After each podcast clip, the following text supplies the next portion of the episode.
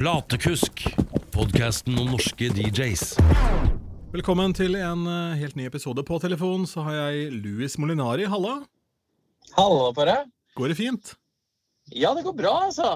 Jeg sitter i noe så akustisk fint som en bil, har jeg funnet ut er bra for podkast.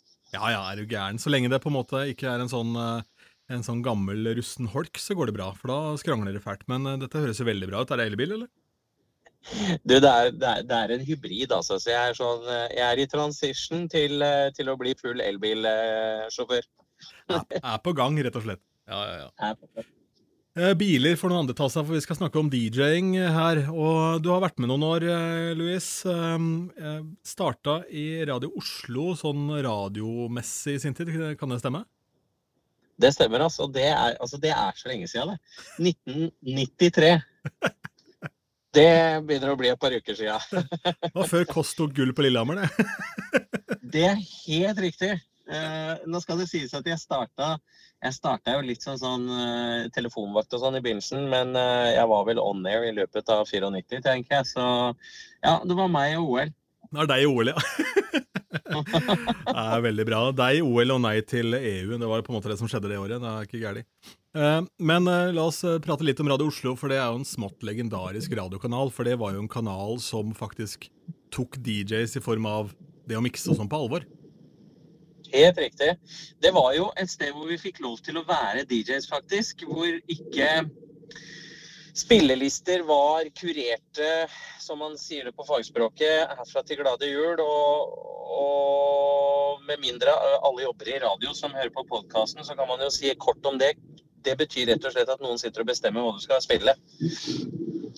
Eh, sånn var det ikke på Radio Oslo. Vi fikk rett og slett lov til å, til, til å leke oss. Og radiostudio var bygd som et radiostudio, men også en DJ-boks. Så det var jo ikke fremmed for å mikse låter eh, sammen, selv om man var midt i det man kaller primetime, midt på dagen, hvor egentlig alle man skal kunne høre på. Og jeg tror det skapte egentlig litt mer nysgjerrighet rundt musikk, fordi det er klart Å slippe løs noen på radio med bare det man selv liker, blir jo sjelden bra radio. Men i disse tilfellene så var vi såpass mange DJs med litt forskjellige ståsteder at det blei veldig mye morsomt. Og så blei det litt krydder på kaka ved siden av det som var mest kommersielt på akkurat det tidspunktet.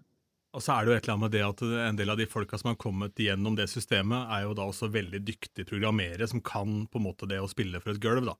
Eh, og da, hvis du dag, dag inn og dag ut bare står og spiller musikk for deg sjøl, så ender du ikke opp med å få noen jobber seinere. Så det er klart, det, det begrenser seg jo litt selv, da. Hvis man har Man må jo ha en eller annen tankegang om at dette skal fungere i, eh, i en eller annen setting, uansett foran folk, og da må, er det jo akkurat samme på radio, i og for seg.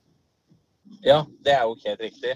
Og, og, og når du da står i et radiostudio hvor man faktisk også hadde mye tilbakemelding fra lytterne gjennom eh, telefon for, eh, for nye lyttere på radio, så høres det kanskje rart ut, men det var en tid hvor faktisk folk ringte inn på radio. altså. Det var veldig hyggelig. Det er jo faktisk sånn at Norge var et av de fremste landene i verden i bruk av SMS, interaksjon på radio. Så det var noe fra P3 som hadde blitt sendt til, til USA, til eh, typ Kiss FM i Los Angeles, for å holde da en workshop om hvordan de brukte SMS i P3. Så det er litt gøy. da. Jeg lurer på om han angra på det i etterkant. jeg. Nei, ja. ja, sikkert. Det er bare fram til for sånn 10-15 år siden så begynte det å ramse opp sånn at du kunne gå inn på nettsiden og søke på et eller annet kodeord sant, i USA. Det var helt håpløst. Det er jo først nå sånn digitalt sett så er det først nå i de siste liksom, tiåra det har tatt virkelig tak, hvis ikke du har vært i super liksom, tech-miljøer. da. Eh, Ja, det er akkurat det. ja, Mannen i gata har jo fremdeles sånn flipptelefon fra Motorola. Så. Men eh, ok, når vi først er inne på eh, Vi skal snakke litt om nåtiden også, men eh, skal ikke fremstille deg som en eldgammel hund her. Men eh, du har jo Ja, det begynner jeg å bli, så det er fair, det. altså. ja, ja, ja. Du prøver deg i ungdomskilden og være på Energy nå. Ja, det var, ja, nå er jeg jo ikke der lenger heller, ikke sant? så nå er jeg jo blitt satt på eh, eldreomsorg i Radioland. Nei, ikke så ille, altså. Men, eh, men eh, nei da, jeg evolverer meg eh, i takt med min alder, tror jeg. Ja, Det er jo også et eller annet med det å skulle være hipp og kul hvis noen skulle ringe på den telefonen, og så kanskje du ikke føler at du ja, Hvis du fort begynner å fake, så blir det feil, vet du. Ja, det er det, altså. Det verste jeg, og det er det verste både jeg ser og hører. Folk som prøver å være yngre enn det de er. Eh, eller for den saks skyld eldre også. Det faller like dårlig ut, det. Men det å være seg sjøl, det er det beste. Og hvis det funker for eh, yngre guide, så er det fett. Og hvis ikke, så er det time to move on. Ja, det er nettopp det. Å prøve å finne din egen eh, stemme i en eller annen form, det er jo Det er kanskje førstepri her. Altså, et godt uh, tips er jo det å bare må i hvert fall ikke tenke på hva alle andre sier. Hvis du har lyst til å begynne å spille, og du sitter og tenker OK, hvordan er det, og så får du masse pes fordi folk tror at du skal bli den nye Kygo over natta, og at du har en tanke om at det er det du ender opp med å bli, så Men hvis du har en indre flamme og som brenner for dette faget, så det finnes jo ingenting som er mer gøy å gjøre. Jeg så veldig dårlig i natt, sto opp halv seks i dag tidlig, og så gjorde jeg en to timers miks med bare sanger fra 1999. Eh, sånn fordi eh, Hva annet skal jeg gjøre? Ja, det, er, det, er, det, er, fremoverlent. Det er bra jobba. Så den, eh, den, skal du ha. Ja, altså Jeg driver og øver rett og slett på quickmixing nå. For jeg gjør veldig mye kommersielle bryllupsjobber og sånn, så jeg trenger å komme meg kjappere ut av ting. Og da må jeg bare hive på meg sånne type tasks da, som kommer litt sånn ut av det blå. Og da fant jeg ut at uh, Vengaboy ser ut med en ny låt som handler om å reise tilbake til 1999, så tenkte jeg da kan jeg ta en tur, jeg òg. ja, det var jo ikke dumt. Det var, en, fe, det, det var en fin entry på det hele, det. altså. Absolutt, eh, men la oss ta en tur til år 2000 her nå, da. My Record Bag. At det navnet ikke var tatt, det kan jeg ikke fatte og begripe. Nei, jeg vet. Det var for meg egentlig litt sånn merkelig. Fordi vi, eh, For det første så var jeg ufattelig glad og overraska over at jeg blei eh, signa. Og manageren min på den tida, fantastisk herreperson som, som heter Werner, som dessverre ikke er blant oss mer, men han han eh, tok meg litt under vingene, og så sa han du, vi skal i et møte. Eh, ja, OK, kult. Og så trodde jeg det var eh, kanskje noen ny residency i, i, Oslo på en eller annen ny klubb eller noe sånt. Og så tusler vi, og så går vi jo oppover mot Sandaker, og det er litt sånn her er det ikke noen nattklubber, altså, så vidt meg er bekjent. Og vi stopper ikke så langt opp som Sandaker, vi stopper ved Myraløkka eh, i Oslo, som da er rett ved Ring 2, eh, retning Torshov. Og, og der, er det, der, er det, masse kontorer, så jeg, jeg, ante virkelig ikke hva vi skulle. Og plutselig så sto vi da inne på, eh, på eh, Arcade sine kontorer og hadde møte. Og i det møtet så ble, spurte de meg om jeg da ville lage eh, mikskompilasjoner, som jo på den tiden var liksom det ypperste av hva en DJ kunne gjøre. Og svaret var jo selvfølgelig et rungende ja. Og, og, de sa ja, vi vil gjerne signe deg for fem stykker, men vi går for tre i første omgang, og så har vi opsjon på to nye. Og, og hvis du kan bruke litt tid på å finne ut av navn og litt sånn, så er det kjempefint jeg blei jo ganske, ganske satt ut, for å si det mildt. Og, og da begynte prosessen med navn. Og, og, jeg var jo egentlig bare sånn OK, jeg skal mikse eh, låter som jeg digger der og da, hvis de blir eh, klarert for å bli brukt i den sammenheng. Ja, for hvordan fungerer den biten der? For dette er jo et landskap som da en som har vokst opp bare med MP3-er, ikke vet noen ting om. Så hvordan fungerer det? Du har jo da dine sanger som du liker å spille når du er ute og gjør DJ-jobber, men det er ikke nødvendigvis sånn at de sangene kan havne på den compilation-skiva? Nei, det er jo ikke noe automatikk i det. fordi ikke sant, På den tiden nå snakker vi jo, og før vi hadde streamingtjenester på musikk og sånn, altså musikk kom ut i hardware. altså Enten om det var på kassett eller CD eller vinyl, så var det liksom formatene musikk kom i. MP3 hadde vel så så vidt begynt å komme som filformat, men det var for veldig spesielt interesserte. Ja. Uh, Naps, Napster var vel på gang, men da var det ulovlig nedlasting da, ikke sant? Ja, ikke sant. Så det som skjedde, var rett og slett at jeg gikk i eh, platebagen min, og derav navnet My Record Bag, for det var jo det det var. Det var låter rett fra platebagen. Så lagde jeg da en liste, hadde en deadline. Eh, lagde en liste eh, på så og så mange låter. En, en sånn mikskompilasjon på E1-CDs eh, utgivelse er på å si mellom 50 og 55 minutter. Ca. 16 låter, da.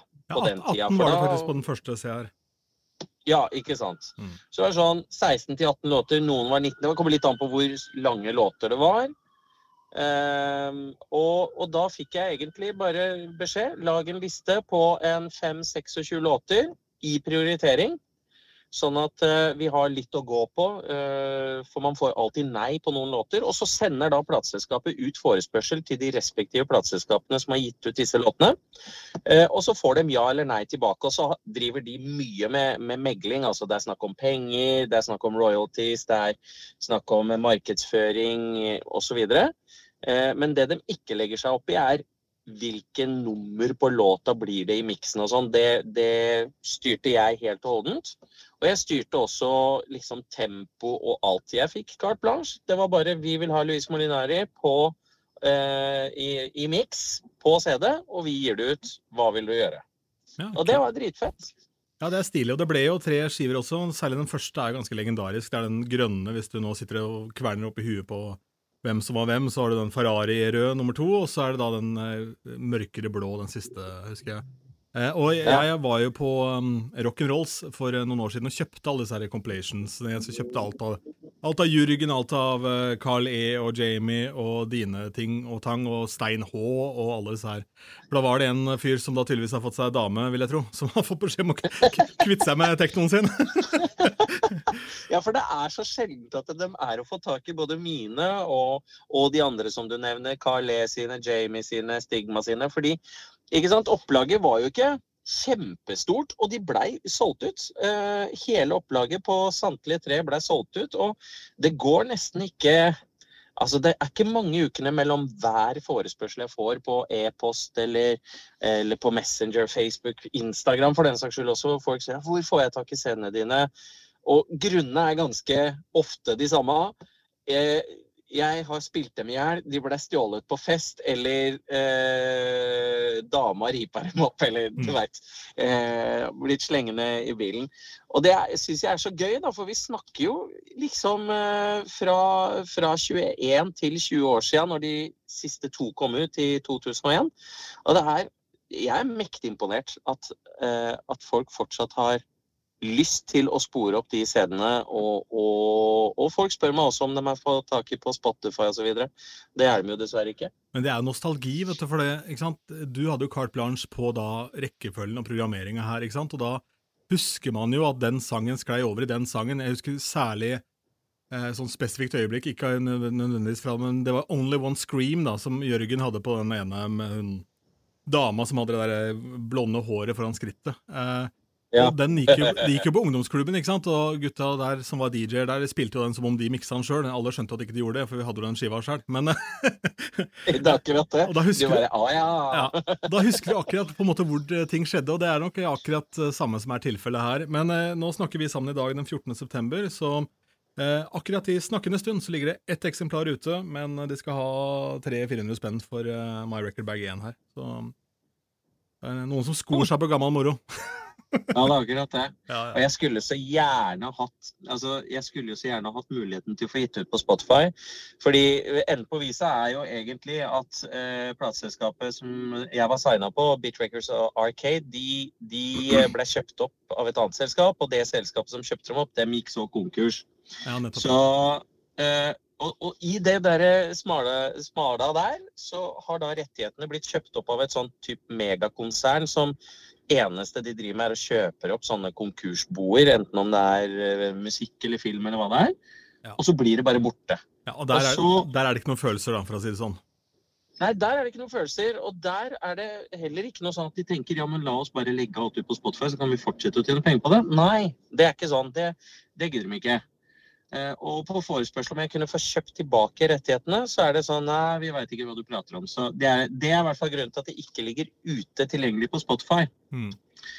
Med mindre noen har en hack på det, så får jeg ikke gjort det. Nei, nei. Eh, det, blir, det blir jo vrient selvfølgelig å få til. Men det du kunne gjort, da, sånn, eh, nå hiver jeg under bussen her, da, selvfølgelig, for du veit hva mye gjør og sånn, men eh, det du kunne gjort dersom du har låtene ennå, så kunne du jo i teorien laget en 2021-variant, eh, hvor du miksa de på nytt og la ut på Mixcloud. Det kunne jeg absolutt eh, gjort, og det er ikke så dum idé, det.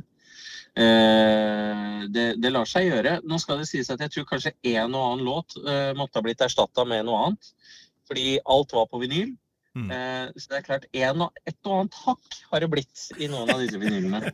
Eh, men, eh, men noen av de låtene jeg holdt skjærest, de har jeg faktisk etter eh, hvert som tiden har gått, fått tak i flere eksemplarer, sånn at man skal ha mulighet til å ha de seinere også. Så det lar seg gjøre.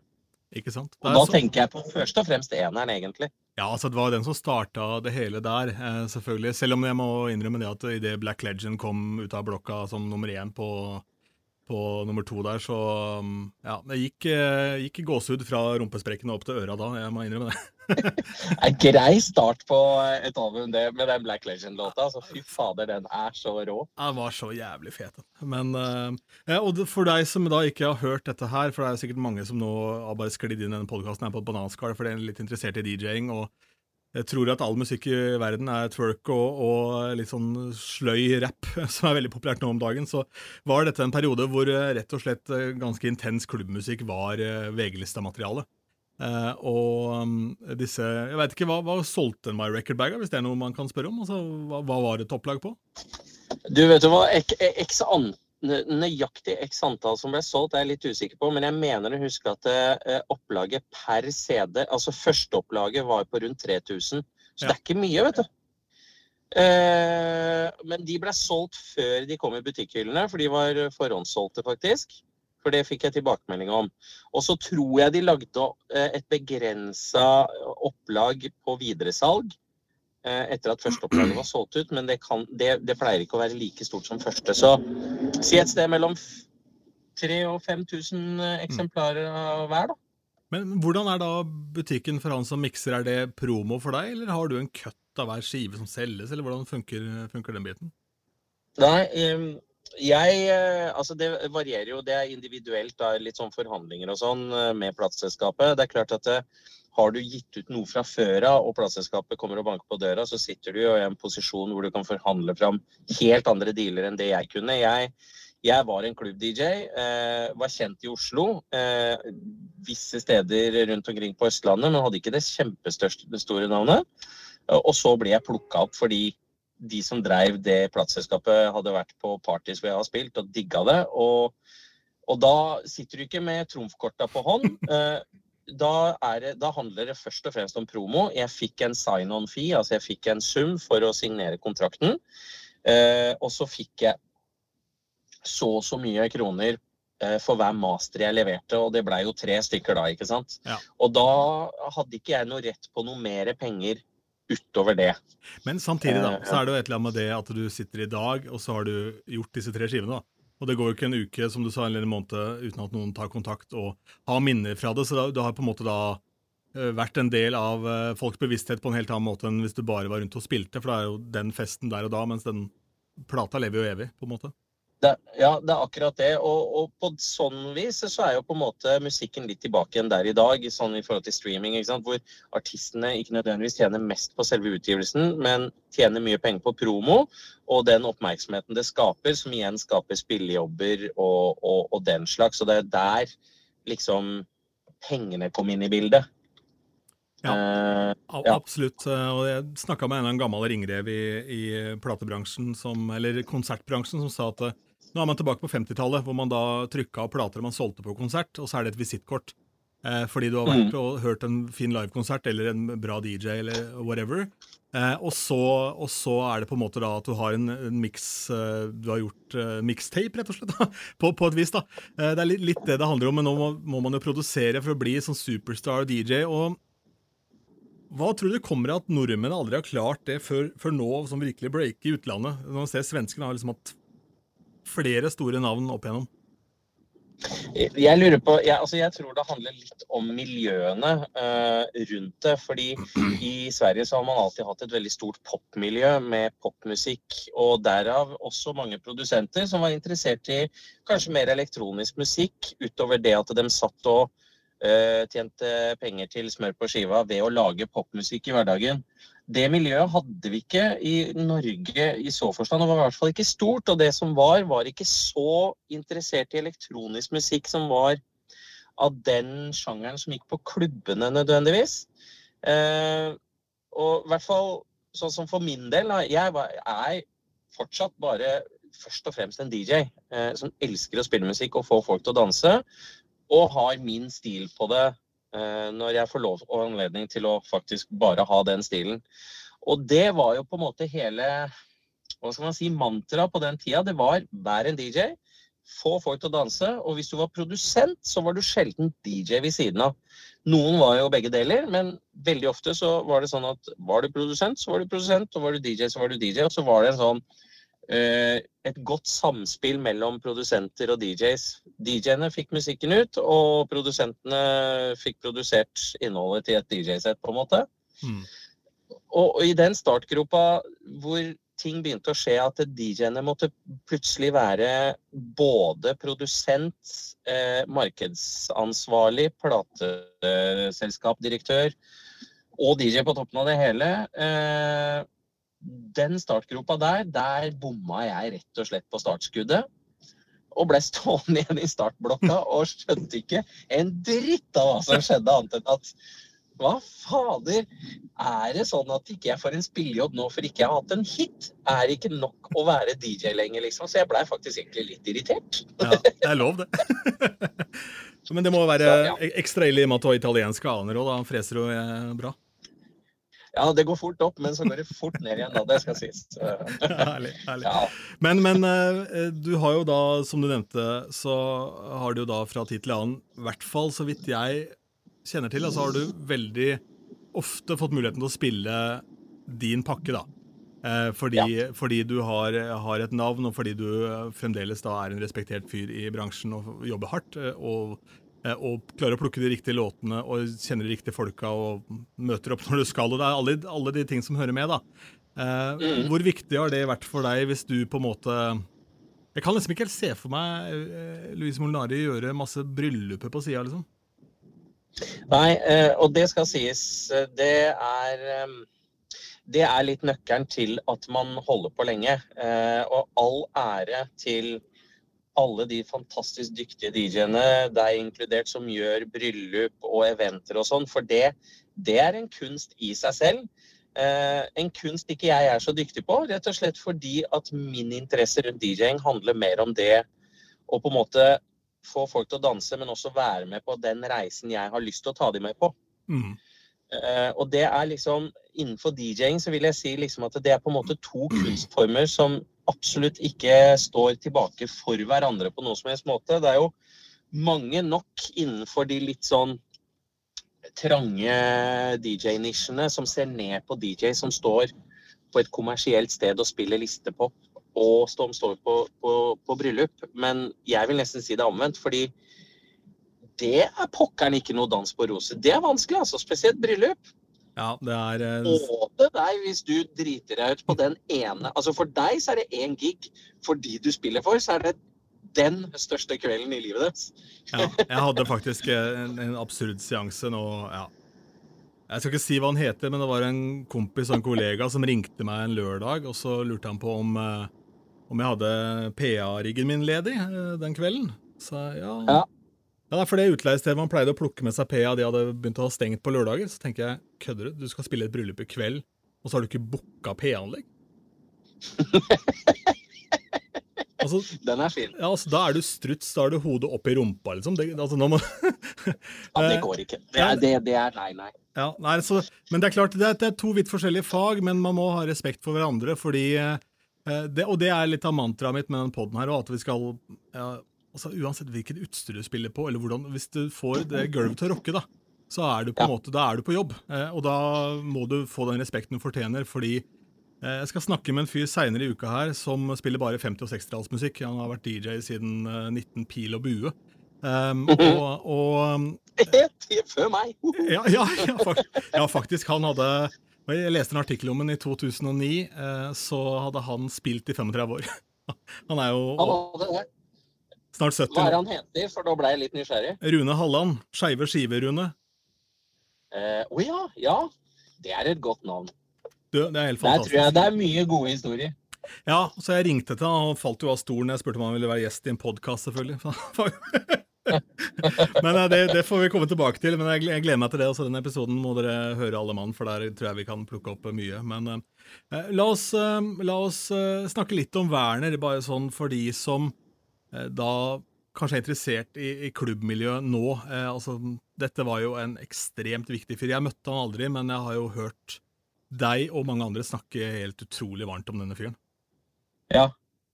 Eh, Werner er ja, altså, Kan kort fortelle hvorfor han kom til Norge, for han var nederlender.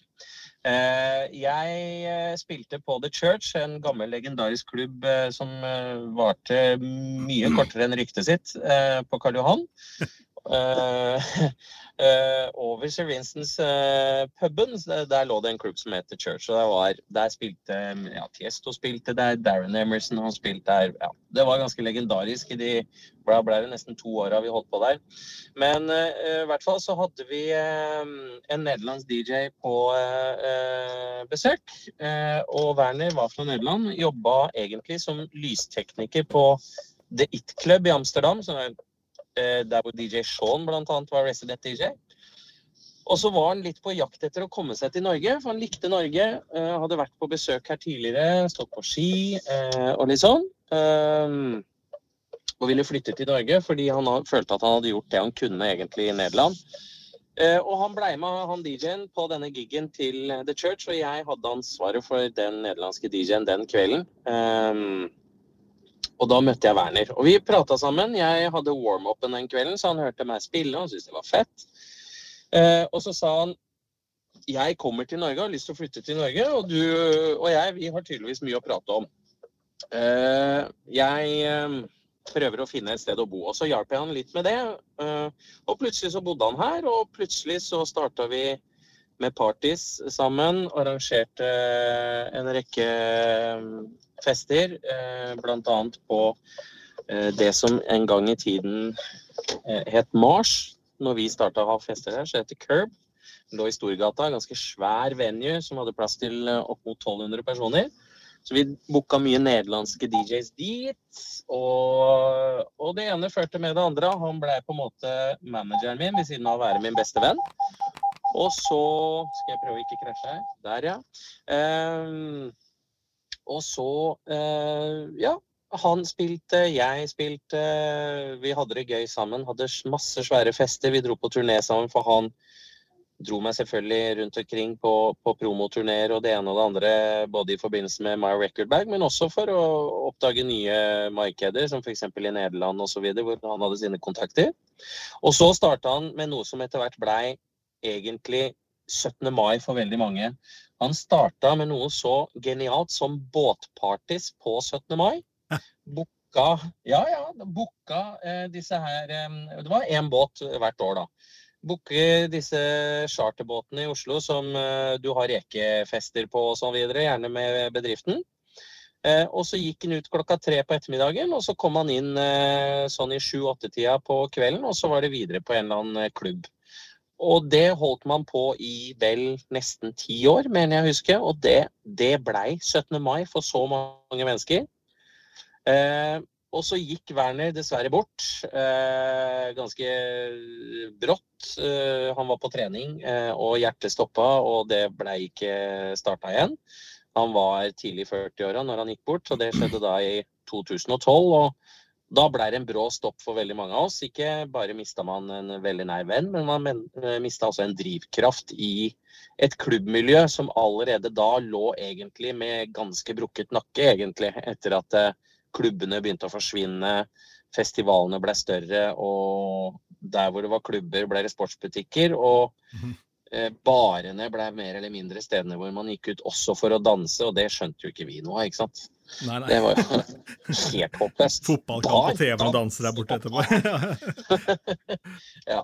Nei, så det, det var egentlig Werner sånn i, i korte drag, og han betydde enormt mye for eh, miljøet. Uh, var selvfølgelig eh, ikke alene om ting. Han var en, en brikke i et miljø som besto av veldig mange ildsjeler, men han var en nøkkelbrikke, vil jeg si. Absolutt. Og spesielt for min karriere. Og det som er eh, for meg ekstra gøy med denne historien, da, er jo at eh, alt dette handler om da, en passion for musikk. Han kommer hit, snakker med en fyr som da basically er ja, Kall det backstage-vert, da, skal bare sørge for at folk trives. Og så, ja, Ja. og så blir man perlevenner, og, og resten er historie, liksom.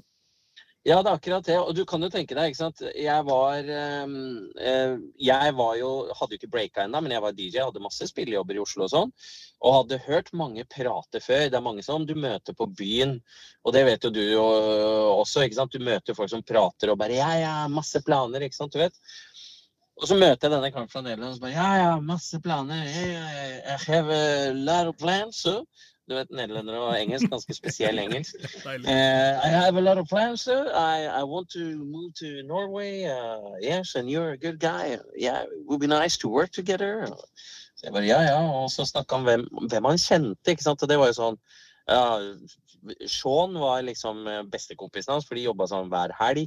Tiesto kjente han eh, godt, selv om han ikke helt hadde breaka enda, Så visste han veldig godt hvem Tiesto var, og møtte han flere ganger. Eric E. Altså masse store DJ-navn som for meg på den tiden var folk jeg så opp til, og var bare utopisk å kunne møte noen som kjente de. Og så står jeg og prater med en som skulle plutselig flytte til Norge, og vi kunne begynne å jobbe sammen. Så jeg begyn- i begynnelsen så tenkte jeg jo ja, ja. Det, mm. Nei da, men eh, hyggelig det, Werner. Var hyggelig å møtes, og så prates vi da kanskje. Og så, et par uker etterpå, så ringer han og sa ja, kan du fikse meg en hybel? Ja, jeg kan fikse deg en hybel. eh, Eller blei jo sammen med noen hyggelige jenter i et bokollektiv til begynnelsen. Og så plutselig så sier han ja, i morgen så kommer jeg med bil, jeg kommer inn med Color Line. Og da sto han der med, og det husker jeg så godt, en litt sånn burgunderrød skranglehaug av en Opel eh, stasjonsvogn. Og så jeg, møter jeg ham på, på, på havna, for jeg skulle vise hvor han skulle kjøre for å komme til hvor han skulle bo. Så ser jeg liksom eh, inn i bagasjen, sier jeg er dette flyttelasset ditt, eller kommer det mer? Nei, nei, dette var det. Så jeg, har, ok. To kasser med vinyl, to bager med klær og et slitt snowboard. Ja, ja, velkommen til Norge. Men det blei det ble fest, det der. altså. Det var utrolig moro. Og han sto for alt han sa, og det, Ja. det skal han ha. Det står, eh, det står så respekt av det for de som faktisk står for det de sier. For det er så, ja, det er så mye pissprat og sånn, men, men det er klart, eh, hvis du noen gang har drevet med det sjøl, da, så eh, bare slutt med det. Eh, Skal ikke lage noe Ja. sto- stor konflikt ut av men bare tenk litt over det sjøl. Fordi for en ung fyr som du var på den tida, da, så kunne jo du stått der med sant, stjerner i øya og, og kunne jo ringt mora di og fortalt at nå har, det smelt her, liksom, hvis ikke du var litt mer jordnær type. Så og så ender man da opp med å gå på en smell, og da får man den i trynet, da, og da blir man ikke respektert for det faget man har, og den jobben man gjør. Eh, så det er mange som, som prater mye og har lite action. Det er en counterlåt som heter eh, Less Talk More Action. Det tror jeg kan være bra, bra, eh, bra rettesnor i livet. Jeg har to spørsmål før jeg skal sende deg av gårde her. eh, og det ene er da en Hall of Fame, som er en Spotify-liste som denne podkasten har. Og der spør jeg alle gjestene som da er med, om de Ja. har to låter som på en måte er bankers, som du da Det kommer jo selvfølgelig an på hva slags jobber du gjør, da, men den gangen du gjorde klubbjobber eh, ganske jevnlig, to låter som du kan eh, gå til nesten hver gang, som alltid på en måte funker. Ja, og det, det er faktisk ikke så vanskelig, fordi eh, de låtene de kan jeg gå til den dag i dag, og det, bare, det, er, det er banger hver eneste gang. Og den ene låta har vi jo vært innom allerede, det er eh, Black Legend. Mm. Eh, den bare funker. Og det er noe med at selv om låta er temmelig hard i dagens uh, musikkbilde, så slår jo aldri feil med Barry White, vet du. Barry White og tekno. Altså, han burde ha vært DJ han i sin tid. Ja, Han burde var, vært tekno-DJ. jeg, men jeg, jeg tror, ikke- tror ikke det var nok damer i det. Så. Nei, det er vel det. Ble ikke, det ble ikke fløyelt nok. Uh, men det, det er, det er uh, go to. Og den, selv i dag når jeg spiller eh, spiller, eh, spiller den, så, så det skjer noe med et hvilket som helst dansegulv. Det blir, det blir rett og slett klikkestue. Mm. Så det er en låt som jeg kan alltid gå til, men bruker med omhu. Fordi du må droppe den på riktig sted, ja. Eh, og riktig tidspunkt av løpet av kvelden. For hvis ikke så har du brent da dansegulvet ditt. Vanskelig å toppe den etterpå, med det første i hvert fall. Ja, absolutt. Eh, ja, eh, det, men det er i dag. Og på den tida når den kom ut, så starta vi jo gjerne Zetamen, så det sier jo litt.